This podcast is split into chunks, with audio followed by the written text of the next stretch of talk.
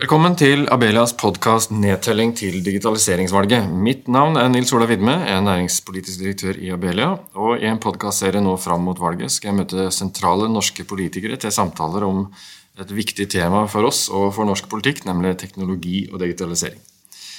I Abelia er vi opptatt av at teknologi er en økonomisk driver i seg selv, eh, som både fjerner jobber og skaper nye jobber men, og som eh, bidrar til å endre både hjemmene våre, familiene våre og framtida til barna våre. Eh, og så er også opptatt av hvordan teknologi bidrar til å løse de store samfunnsutfordringene. Både klimakrise, eldrebølge, kompetansegap og fallende oljeinntekter står jo sentralt i den politiske debatten i Norge. Så hvordan vil politikerne bidra til at teknologien kan få lov å løse de store problemene? Det er sentralt for oss. Og I dag har jeg med min gjest fra Senterpartiet, Geir Pollestad, stortingsrepresentant fra Rogaland og leder av næringskomiteen. Velkommen hit. Jo, takk skal du ha.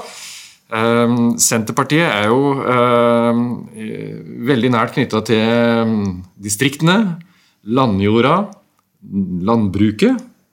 Og jeg kommer også fra distriktene og landjorda og landbruket. Jeg vet jo at det landbruket som vi har i dag, har vært gjennom en enorm teknologisk utvikling eh, de siste åra, i hvert fall gjennom mitt liv. Eh, og når jeg ser på Abelia-medlemmene, så ser det ut som om den utviklingen skal fortsette med stor kraft framover. Matproduksjon er et av de områdene der teknologien kan gjøre store endringer, sånn som det ser ut for meg. Hva tenker du? Jeg tror du har helt uh, rett i det. Uh, og så er vi som Senterpartiet veldig kry av å være liksom, bondens parti og ja. distrikters parti, men vi har jo gjort vårt inntog i uh, byene. Men det er jo mye som tyder på at der òg er de opptatt av mat. og de spiser like mye som, som alle andre. Men mitt inntrykk er at den norske bonden elsker teknologi. Mm. og det, det, handler om store maskiner, og det handler om små maskiner. og det handler om at en del av de tingene som har altså med registreringer og det å føre altså Noe av fordelen med det norske landbruket og grunnen til at vi har for god dyrehelse, er at vi har ført statistikk i alle år. Mm. Eh, og en har avla veldig bevisst, og en har hatt kontroll over dyra. Eh, og så nå, når en kan samle inn enda mer informasjon mm. eh, av hva dyra spiser, og hva det gir ut i andre enden, osv., og av hvor en planter, og hvordan en sår, og eh, hvordan det virker på avlingene, eh, det er sånne ting som eh, mitt inntrykk er at norske bønder elsker. Eh, og så er det jo selvsagt en kostnadsside med, med, dette. Eh, og så er det biologiske prosesser, så det setter jo noen begrensninger. Men, men jeg har et inntrykk av at det, er ikke, det ikke sånn at i byen så er en glad i teknologi og eh, digitalisering, mens på bygda er en redd for det. Mm. De som, det som vi ofte snakker om, er jo at en har lyst til å være med, men en får ikke til å være med fordi at uh, infrastrukturen f.eks. ikke er god nok. Og det handler om bredbåndsdekning i veldig stor grad, som jo er en viktig sak for Abelia. Ja, Det er jo en kjempeviktig sak for oss. som Vi mm. ønsker jo det at det å ha bredbånd og mobildekning skal være på samme linje som det å ha vann og strøm. At det må vi rett og slett bare sørge for at alle i dette landet, mm. samme hvor de bor, at det eh, er sikra. Mm. Uh, og uh, det å bruke teknologi for å, for å effektivisere altså det, som du sier, det, det har jo handla veldig mye om store, store maskiner i, i, i tiåra som ligger bak oss. Eh, mens nå kanskje handler det mer om digitalisering, bruk av kunstig intelligens for å få ut verdien av disse store datasettene som du, som du nevner. Og kanskje at bonden mer og mer må eh, trekkes i retning av de små maskinene. Ja, for det En ting er jo altså, hva kan vi gjøre med maskiner, med teknologi og med digitalisering. Det er én ting. Eh, men så har det jo nå vært litt sånn et, et, problem, da. At det er jo det er liksom denne melkeroboten. Mm. Den koster rundt en million, tror jeg. Litt over det. Eh, og så eh, har den en viss kapasitet. Og skal mm. dette gå rundt, så må du liksom fylle opp den kapasiteten. Mm. Men så, hvis du har vært rundt i Norge, og det regner jeg med at eh, alle lytterne har vært, eh, enten det er på Agder eller på Vestlandet eller Nord-Norge eller på Innlandet, så er det kjempefarlig. Ja, så ser en at det går an.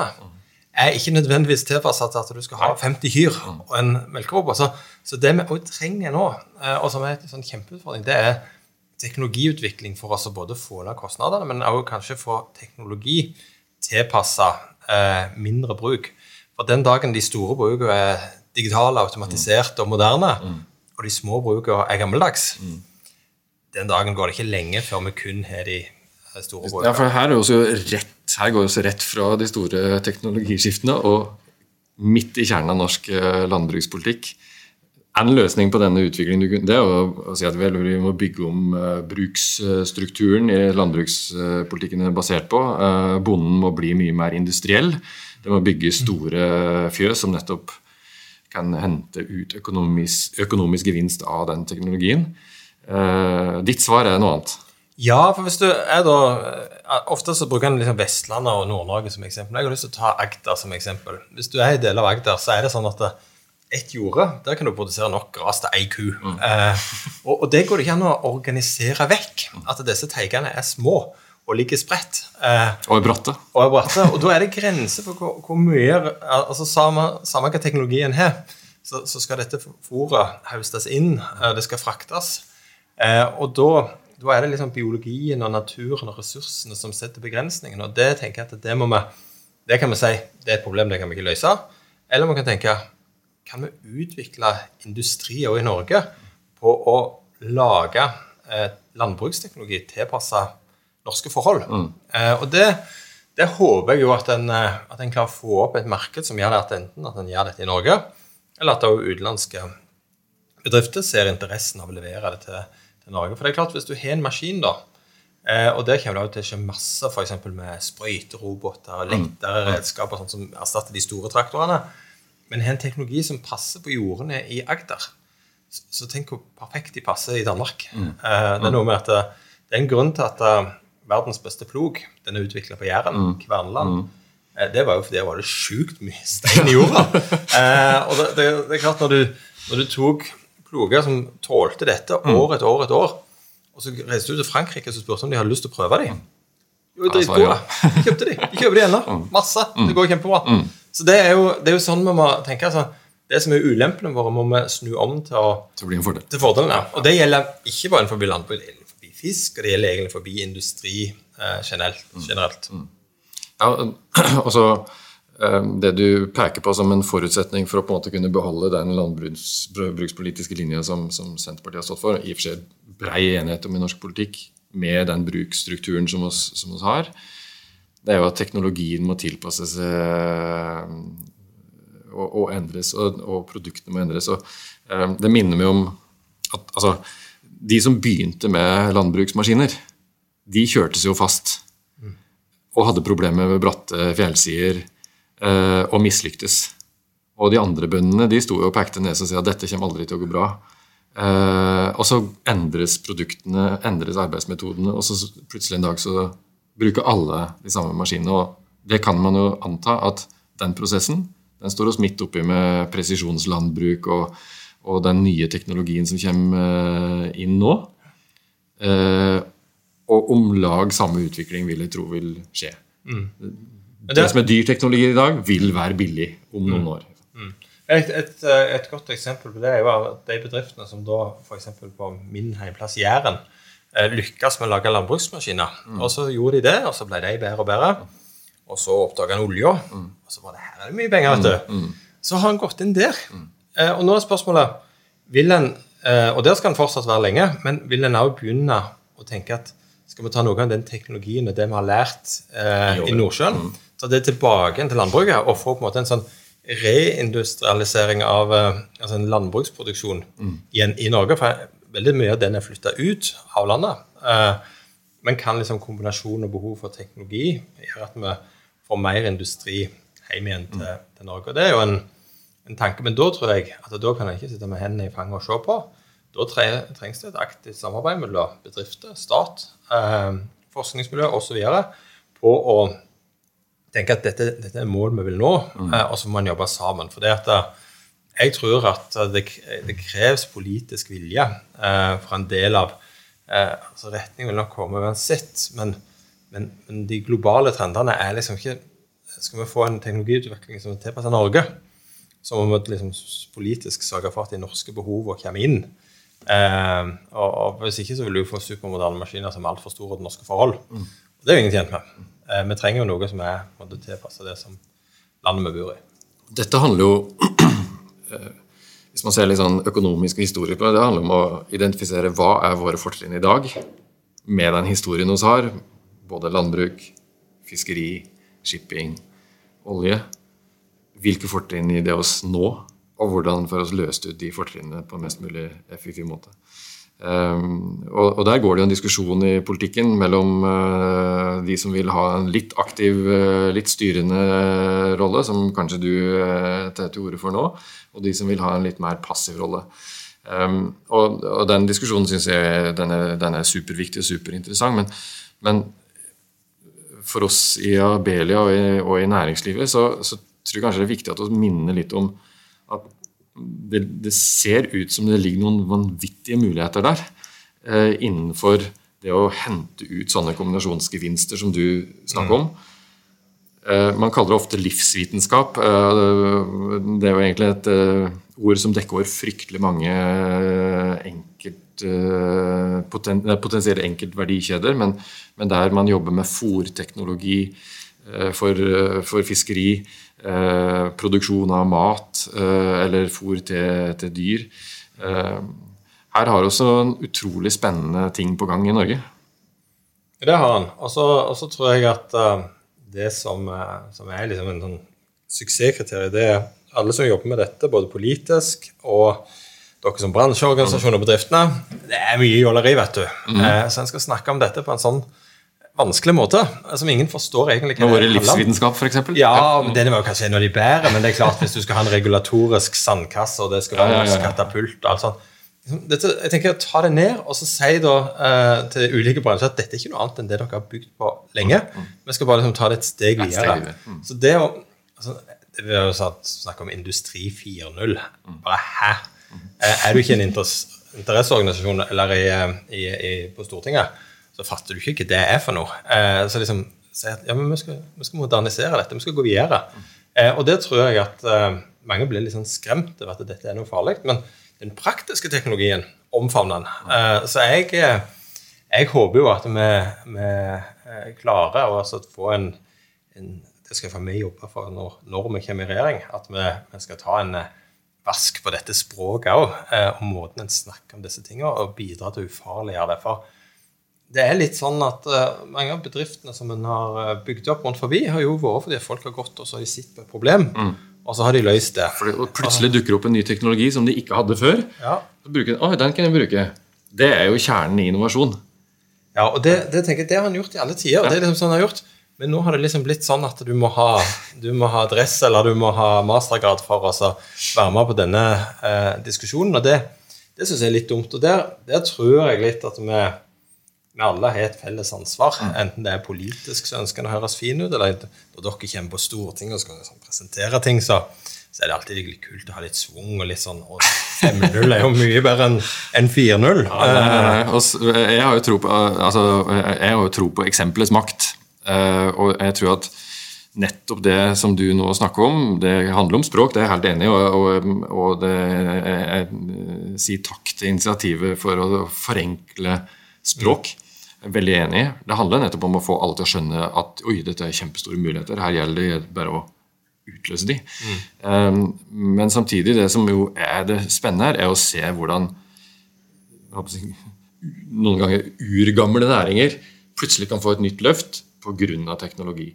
Og et, et eksempel som, som jeg syns er utrolig fascinerende, er jo en liten bedrift som uh, medlem i Abelia som heter Find My Um, og Det står ikke hva de 'find my what', det står bare 'find mine'. Og, og det, de, de er jo starta av noen sauebønder i Kvikne i Nord-Østerdal um, som tapte masse sau, som man ofte gjør i, når de slippes ut i fjellet.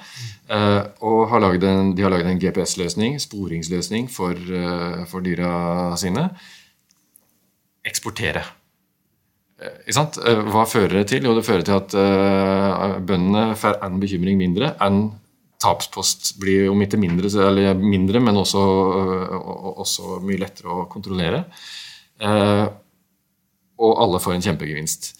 Um, dette er sånne ting som jeg tenker at eh, Vi kan kalle det 5-0 eller whatever, men å vise om denne bedriften hva som skjer, hvordan de løser dette problemet, det er for meg utrolig viktig.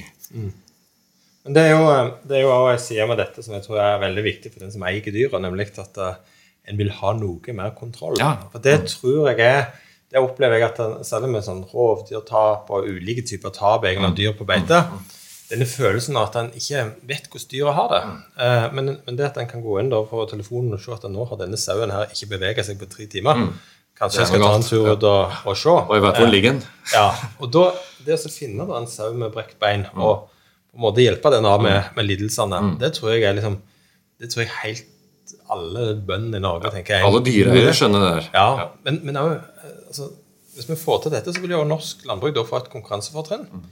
meg kan si at ja, dyra våre på beite har det faktisk eh, bedre. Så kan du òg bruke dette som gjerde. Du slipper å sette et gjerde i naturen. Det har jo en fordel. Eh, vi har jo litt slitasje med gammel piggtråd. Piggtråd er jo ikke særlig eh, analogt. Eh, nei, det er ikke særlig digitalt. Eh, det er veldig, veldig analogt. Og, og, og litt gammeldags. Så det vil vi helst ha vekk. Men Der ligger litt sånn gamle synder. Men, men vi trenger iallfall ikke bruke mer av det. Eh, og det tror jeg òg er, er veldig lurt. Så, så alle sånne type teknologier som har en effekt eh, Men da er det viktig at det regulatoriske, eh, altså regelverket, eh, følger med.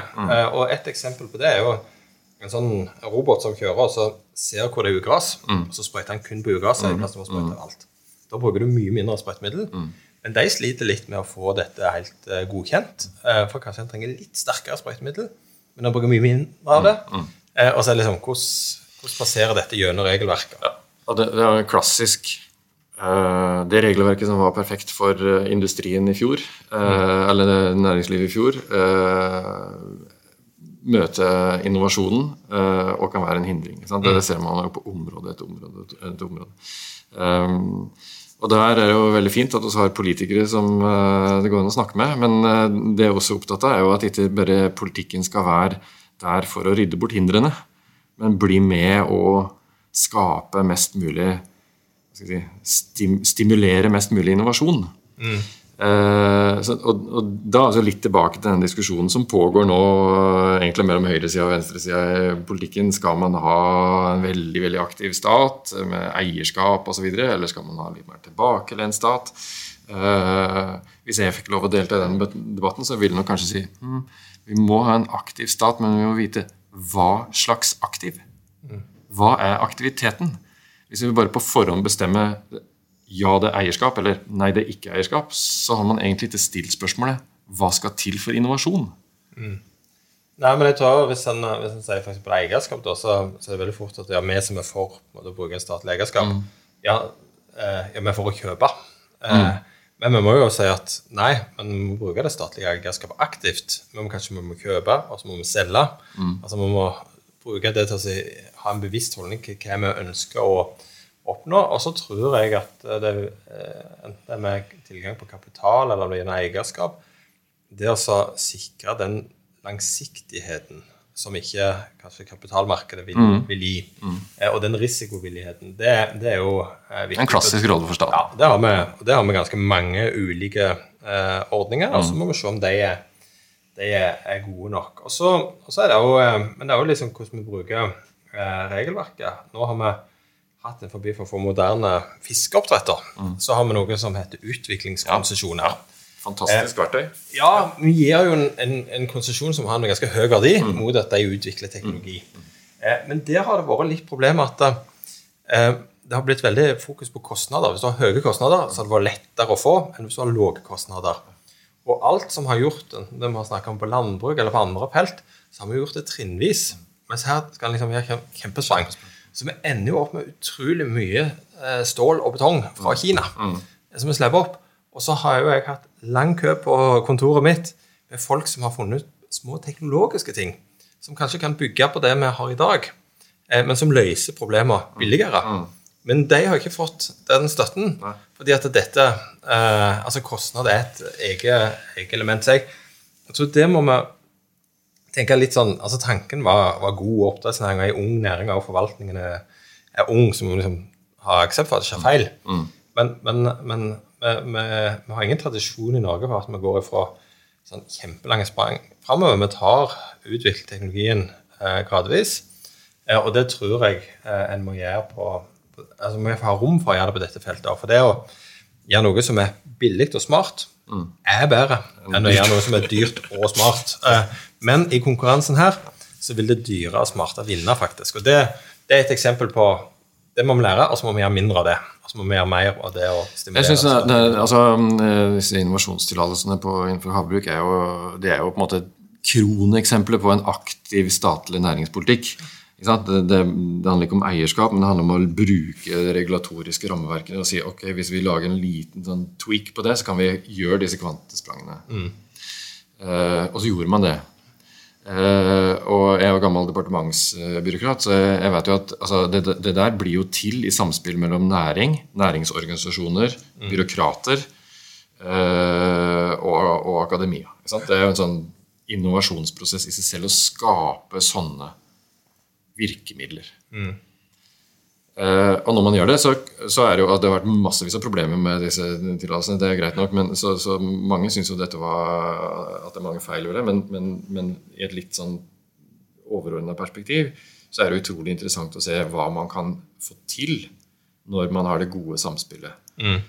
Um, og så må man også erkjenne, og det tror jeg er ganske viktig, det du sier, at når man får til sånne kvantesprang som dette egentlig er, da, når man har bygd disse digre havgående merdene riktig legalt, liksom, så er det enorme endringer.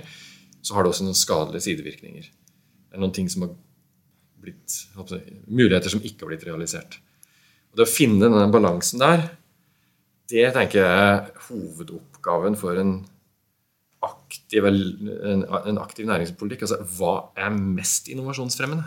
Mm. Hva er den optimale innovasjonsfremmepolitikken? Det syns vi oss diskuterer litt for lite. Og hopper rett i, For eller mot eierskap. Istedenfor å si ja, det vi vil, er å få mest mulig innovasjon ut av de mulighetene vi har, for å realisere de mulighetene vi har.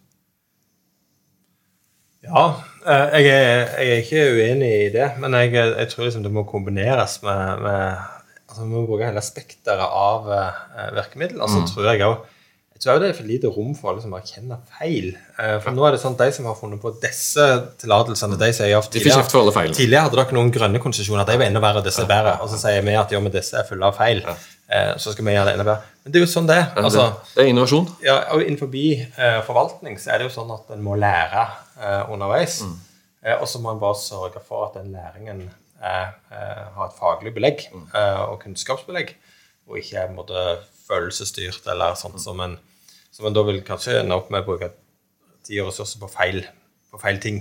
Eh, og, og, og, og, på de Ja, ikke der som en bør. Så eh, jeg tror at eh, en iallfall er langt forbi, sånn, er ferdig med den tida når, når, den passive staten er liksom idealet. Mm. Eh, fordi at det er så mye med ulike ordninger, med ulike hvordan en bruker eh, reguleringer og, og, lover og regelverk til å styre ting, med eierskap, hvordan en styrer ting. Det er så mye av det. Eh, og så er det liksom diskusjonen hvor mye hvor hardt skal en kjøre på. Mm. Og òg litt hvor hardt skal en våge å, å, definere et mål. Og der er det jo litt sånn litt forskjeller. Innenfor noen næringer så, så er en veldig bevisst på at en setter noen mål og liksom aksept for å mm. bruke dette blant alle partier. Mm. Eh, romfart er jo et eksempel. Mm. Eh, ingen vet at Norge har veldig mye romfart, men det har vi. Mm. Um, og det er jo en næring som er definitivt sammenvevd mellom offentlig støtte, ja. eh, akademia og, og, og næringsliv. Liksom en sånn ganske kokt sammen, da. Mm. Eh, men alt er måte, offentlig drevet. Mm. Eh, fordi at disse prosjektene er relativt dyre. Og der, der er det liksom en mer aksept for det enn hvis du tenker på produksjon av aluminium. Jeg, jeg, tenker at altså, eh, Romfart er jo et veldig interessant eksempel fordi, som du sier, ingen i anførselstegn vet at vi har en, romfarts, en, romfartsnæring med stort potensial. Um, og uh, der har dette samspillet fungert, og forhåpentlig vil fortsette å fungere på en, på en, på en god måte. Uh, men, men, der også er det jo sånn at for at det skal fungere, så må alle aktørene gripe mulighetene og lykkes i å, i å realisere dem. Og det er selvfølgelig store usikkerheter eh, foran oss der. Men det som jeg syns kjennetegner noe av denne innovasjonsprosessen, der man har dette samspillet mellom politikk, forvaltning, privat næringsliv, akademia. Det, det, er jo et element av stiavhengighet her, som kanskje romnæringen er et eksempel på, eller et unntak fra. Det er jeg litt usikker på. Mm. Eh, men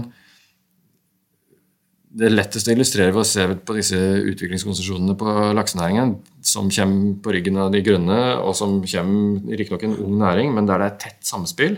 Mm. Mens på livsvitenskap, helseteknologi, de områdene der vi ikke har dette aktive samspillet etablert, der stopper denne innovasjonsprosessen mm. eh, opp. Og Det tror jeg er en, det er en ganske viktig utfordring fra oss ved eh, Avelia til næringskomiteens leder. Altså, er det sånn at fordi vi har et eh, etablert forvaltningsapparat på havbruk som er innforstått med at her har vi store muligheter og her skal vi vokse framover, at vi skaper innovasjonstillatelsene? Mm.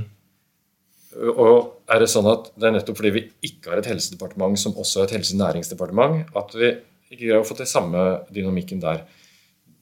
Jeg tror, jeg, tror et, jeg tror, egentlig jeg har lyst til å bruke romfart som et veldig godt mm. eksempel på hvordan de endra den politiske arenaen på Stortinget. Mm. Eh, og nå er ikke den tidligere næringsministeren fra Bergen her til å forsvare seg, så jeg skal ikke henge ut så veldig, men hun hadde da fått bank i Finansdepartementet i forbindelse med et budsjett og ganske kraftig kutt i noen EU-program knytta mm. til romfart. Mm. Og tenkte sikkert at det er det ingen som Hun argumenterte godt i teksten for seg, men av hensyn til helheten i budsjettet, så var det ingen penger. Mm. Det var vekk. Eh, og det mobiliserte hele næringen. Mm. Fra Universitetet i Tromsø, Universitetet i Oslo til Norsk Romsenter til ja, alle de som jobber med dette. Eh, og så kom de på Stortinget, på høringen. Og, så, og, og, dette var ikke sånn folk reagerte på den dagen statsbudsjettet ble lagt fram. Dette gikk liksom mange uker før det liksom tok fyr. Mm. Og så kom de på Stortinget og så fortalte de hva de holdt på med. Og og romfart har jo litt om fordelen at det er jo kult. Det er kult, ja, ja. Eh, men, men, de gjorde det. Ja. Og etter den tid mm. så har det vært helt annen bevissthet, opplever jeg, for jeg har vært leder i næringskomiteen hele den perioden. Mm. Mye større oppmerksomhet rundt eh, eh, romfart. Mm. Så, så, egentlig så kan vi sende, kan den bransjen sende en liten blomst til milliardkuttet til Monica Mæland ja. for at, at, det kom. For etter det så har vi blitt med i en sånn parlamentariker romfartsorganisasjon. Mm Eh, det blir etterlyst egne meldinger på dette. Det er oppmerksomhet om Andøya Space Center er veldig stor. Mm. Eh, så, så, så, det har alt endra seg. Mm. Og sånn tenker jeg òg andre næringer. Som, lære av romfart. Jeg skal ikke ha kutt, men, men de kom og formidla De var utrolig gode formidler mm. hva de holder på med. Det er jo noen ganger når en sitter på sånn høringer sånn til Stortinget, og så har noen vært og snakka, og så tenker du Jeg skal ikke nevne navnet hvem som er verstinger, det er ikke Abelia, altså, men uh, noen i slekta der er, er, kan være litt vanskelig å forstå av og til. Og så lurer jeg på hva var de sa nå? Mens de kom inn og liksom fronta sitt, og det tror jeg jo andre næringer òg kan f.eks. helsenæringa nå etter, etter ja. eller på slutten av pandemien Det er jo en mulighet. Det er jo en gavepakke. Og, der er det litt sånn Jeg har jo vært på bedriftsbesøk hos en del eh, legemiddelbedrifter i Norge og sånt. Og de ligger jo der du ikke skulle trodd at mm. de fantes, enten midt i tjukkeste Oslo eller langt på bygda. altså Hæ? Eller det, driver dere med high-tech-ting her? Mm. Eh, og det, det tror jeg er sånn eh, laksefolk er mer oppvant med å vise fram tingene sine. og eh, Næringsmiddelindustrien så her lager vi pølser. Mm. Eh, kom og se, vi har nytt, moderne mm. anlegg. Eh, jeg tror ennå ikke de eh, industriene tenker Kanskje det er litt med sjøltilliten på vegne av seg sjøl at en må, må jobbe litt med å ture inn på den politiske Dette er en veldig god oppfordring til oss i Abelia. Altså, jeg er jo veldig opptatt av, av uh, både helsenæring, helseteknologinæring. Og så har jeg noen gode kolleger i vårt hus som driver med legemiddeldelen av det. LMI, som du kjenner. Um, og, og, også det som vi snakka om tidligere, disse livsvitenskapene som på en måte kobler medisin, fôr, landbruk Eh, andre produkter eh, under ett eh, fremmedord. Og det å bli tydeligere på A, hvilke muligheter er det som egentlig ligger her for å skape arbeidsplasser i distriktene? Mm. Altså Veldig lite av dette er stedbundet til Oslo eller Bergen. Hvilke muligheter ligger her? Hva skal til for å utløse de mulighetene? Og hva er statens rolle for å få det til? Mm. Det hadde oss hatt et eget departement som tok den jobben, så hadde det blitt litt enklere, men det må vi erkjenne at det har å sitte. Da må vi gjøre den jobben sjøl. Mm. Det, det, er liksom call to action for vår, eh, vår, organisasjon og våre medlemmer å få det til. Ja, det, det, det, merker jeg veldig når vi altså på, på, vi har behandla eh, ulike næringer og stortingsmeldinger om dem. Eh, og det er klart det er lettere å få grep på landbrukspolitikken, ja. fiskeripolitikken, romfartspolitikken, olje- og gasspolitikken. Da, det kjenner vi mer til. Og så kommer eh, helsenæringsmeldingen. Eh, og så blir det litt sånn Her var det mye, mye ord. Og så og jeg tror, jeg tror, det også handler litt om det å uttrykke seg på menneskespråk. Mm. Altså Det må en aldri glemme. Det, Hvilke problemer skal vi løse? Ja. Hva skal til for å løse de? Eh, har oss noen gode eksempler på bedrifter som har begynt? Ikke sant? Uh, Find My de har begynt å løse uh, tapt sau-problemet. Hva skal mm. til for å få dette skalert opp, videreutvikla, eksportert? Jeg tror at I diskusjonen om offentlig sektor framover, det, det handler også om hva er det som skal til for at norsk offentlig sektor også om 10-15-20-30 år er top notch i verden? Mm. Ja, da må de ta i bruk teknologi. Hvis de, stopper, hvis de ikke gjør det proaktivt, så stopper utviklingen opp. Og så må man passe på at når man gjør det, så skapes det teknologibedrifter mm. som en hyggelig sidevirkning. Eh, og det å få til dette samspillet, det er nøkkelen, den politiske nøkkelen. Eh, og kanskje statlig eierskap kan være et virkemiddel. Jeg skal ikke si bare verken ja eller nei for min del, men, men jeg savner i den politiske diskusjonen mellomstandpunktet mellom for eller mot. Mm. Eh, og det, ok, Hvordan skal vi få til lakse... Altså eh, utvinning, utviklingstillatelse type virkemiddel her? Mm. Den diskusjonen. Men der er du midt i kjernen på et, en annen sentral ting, og det er jo at det offentlige handler jo varer for mellom 500 og 600 milliarder kroner. Og så er det, Der er det veldig mitt inntrykk, og det mener jeg vi har prøvd å løse litt nå. F.eks. i kommunene så sitter en, altså Han har lyst til å liksom være litt innovativ og liksom mm. gjøre, ta litt, uh, bruke litt samspill med lokale bedrifter og sånn. Men det er fryktelig farlig å ha liksom hele, der står hele EU og passer på deg. Så, så en velger det safe. Eh, så det har jo vi nå av flertall, et enstemmig næringskomité, har faktisk gått inn for at vi skal ha et, eh, et slags eh, kontaktpunkt som kommunene kan bruke for å få informasjon om offentlige anskaffelser. Mm. Og Det handler jo om å gi dem sjøltillit og trygghet og kunnskapen som trengs for å bruke det handlingsrommet som tross alt ligger. For det er jo det er jo et stort handlingsrom. Ja, men det er jo ganske vanskelig og egentlig ganske koko når f.eks. Havforskningsinstituttet nå som en del av en krisepakke skal bygge et skip og så blir det bygd i Holland. Eh, det er jo ikke det tror jeg liksom ingen ønsker, og, og hvordan havner vi der? Eh, da må vi eh, og dette, Hver dag så skjer det innkjøp i norske kommuner. Og det at de òg kan ta en telefon opp til noen som er kjempegode på innkjøp på det området, og spørre hvor langt kan vi gå. Må jeg si at det, det er jo mange Abelia-bedrifter som du kan ringe til og stille det spørsmålet. Jeg skal ikke la denne samtalen her stoppe eller gå over og bli en rådgiverdebatt, men, men nettopp det å å sørge for å få den, den si, kompetansehevingen på regelverk for å sørge for at man kan bruke det best mulig, det er jo alle enige om at det er en kjempeutfordring, og den må løses. Og, og, igjen, man kunne hatt en egen podkast om dette, men, men, jeg tror nok at altså, noe av perspektivet også Abelia er opptatt av, at ja eh, En ting er hvordan du kjøper innovativt når du har bestemt deg for hva du skal kjøpe. Men det kanskje aller viktigste det er jo at man har en innovasjonsprosess før man bestemmer hva man skal kjøpe. Og at når man har kjøpt, som var litt inne på det i sted, at det er lov å prøve å feile litt. At man har det samspillet med leverandørene og leverandørnæringa som gjør at de kan lære av den feilen, den, den mangelen som oppsto. Og da går man fra den traktoren som kjører seg fast på et flatt jorde, til den som behersker de bratteste fjellsidene på, på, Vestlandet i løpet av en periode. sant? Og, og, Det å få til den prosessen der, det, det, er en utrolig viktig utfordring. Det handler litt om offentlige anskaffelser, men ikke kun det. Ja, så handler det også, Et annet ting som vi i Senterpartiet er opptatt av, det er at disse kommunene er jo eh, relativt små. og En del av innkjøpene er store for dem. Eh, men der må vi ha en slags type ordning hvis en, hvis en våger. Mm.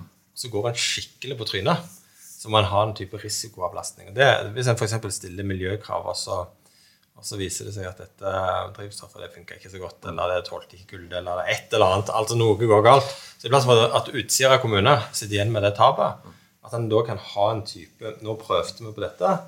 Eh, vi fikk en aksept, en garanti.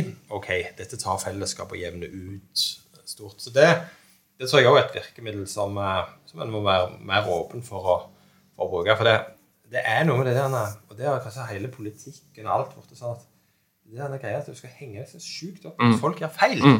Eh, skal du gå framover, så må vi gjøre feil. Eh, og det som politiker jeg, jeg pleier å si at Nå gikk jeg offside. Eh, for det hender jo noen ganger når jeg ser ei framside eller ei side i avisa, tenker jeg Hvor dum går det an å bli, tenker jeg meg sjøl. Men tanken var jo god. Altså 99 av 100 ganger så går det bra, og så går det dårlig noen ganger. Og sånn tror jeg det er for enten det er kommune eller en bedrift eller hva som helst. Vi må få litt mer sånn aksept for at vi, vi må prøve. Og jeg, jeg, skal være litt forsiktig med det, men jeg, jeg syns jo det var litt svung over månelandingen til Stoltenberg. Mm. Uh, det var et stort mål. Uh, og så kan en si masse om det som skjedde i den prosessen, og det kunne en hatt en egen podkast om det òg. Mm. Men det var iallfall siste gang noen i Norge hadde liksom et sånt stort mål. Stort mål. Og, nå måle. og nå har det liksom blitt sånn Jo mindre mål er, jo bedre er det. Og det er litt kjedelig.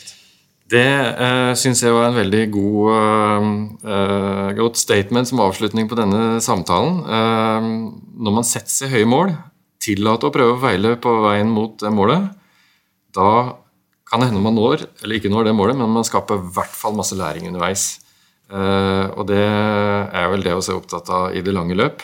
Vi har litt gøy, ja. Litt, litt var, læring, ja, litt innovasjon, litt gøy. Uh, og da, da, blir det fart i helsenæringen, og da blir det også fart i livsvitenskapslæringen. Um, jeg tror jeg må si takk for praten, uh, Geir Pollestad. Dette var veldig veldig hyggelig og lærerikt for oss. så tusen takk skal du ha. thank you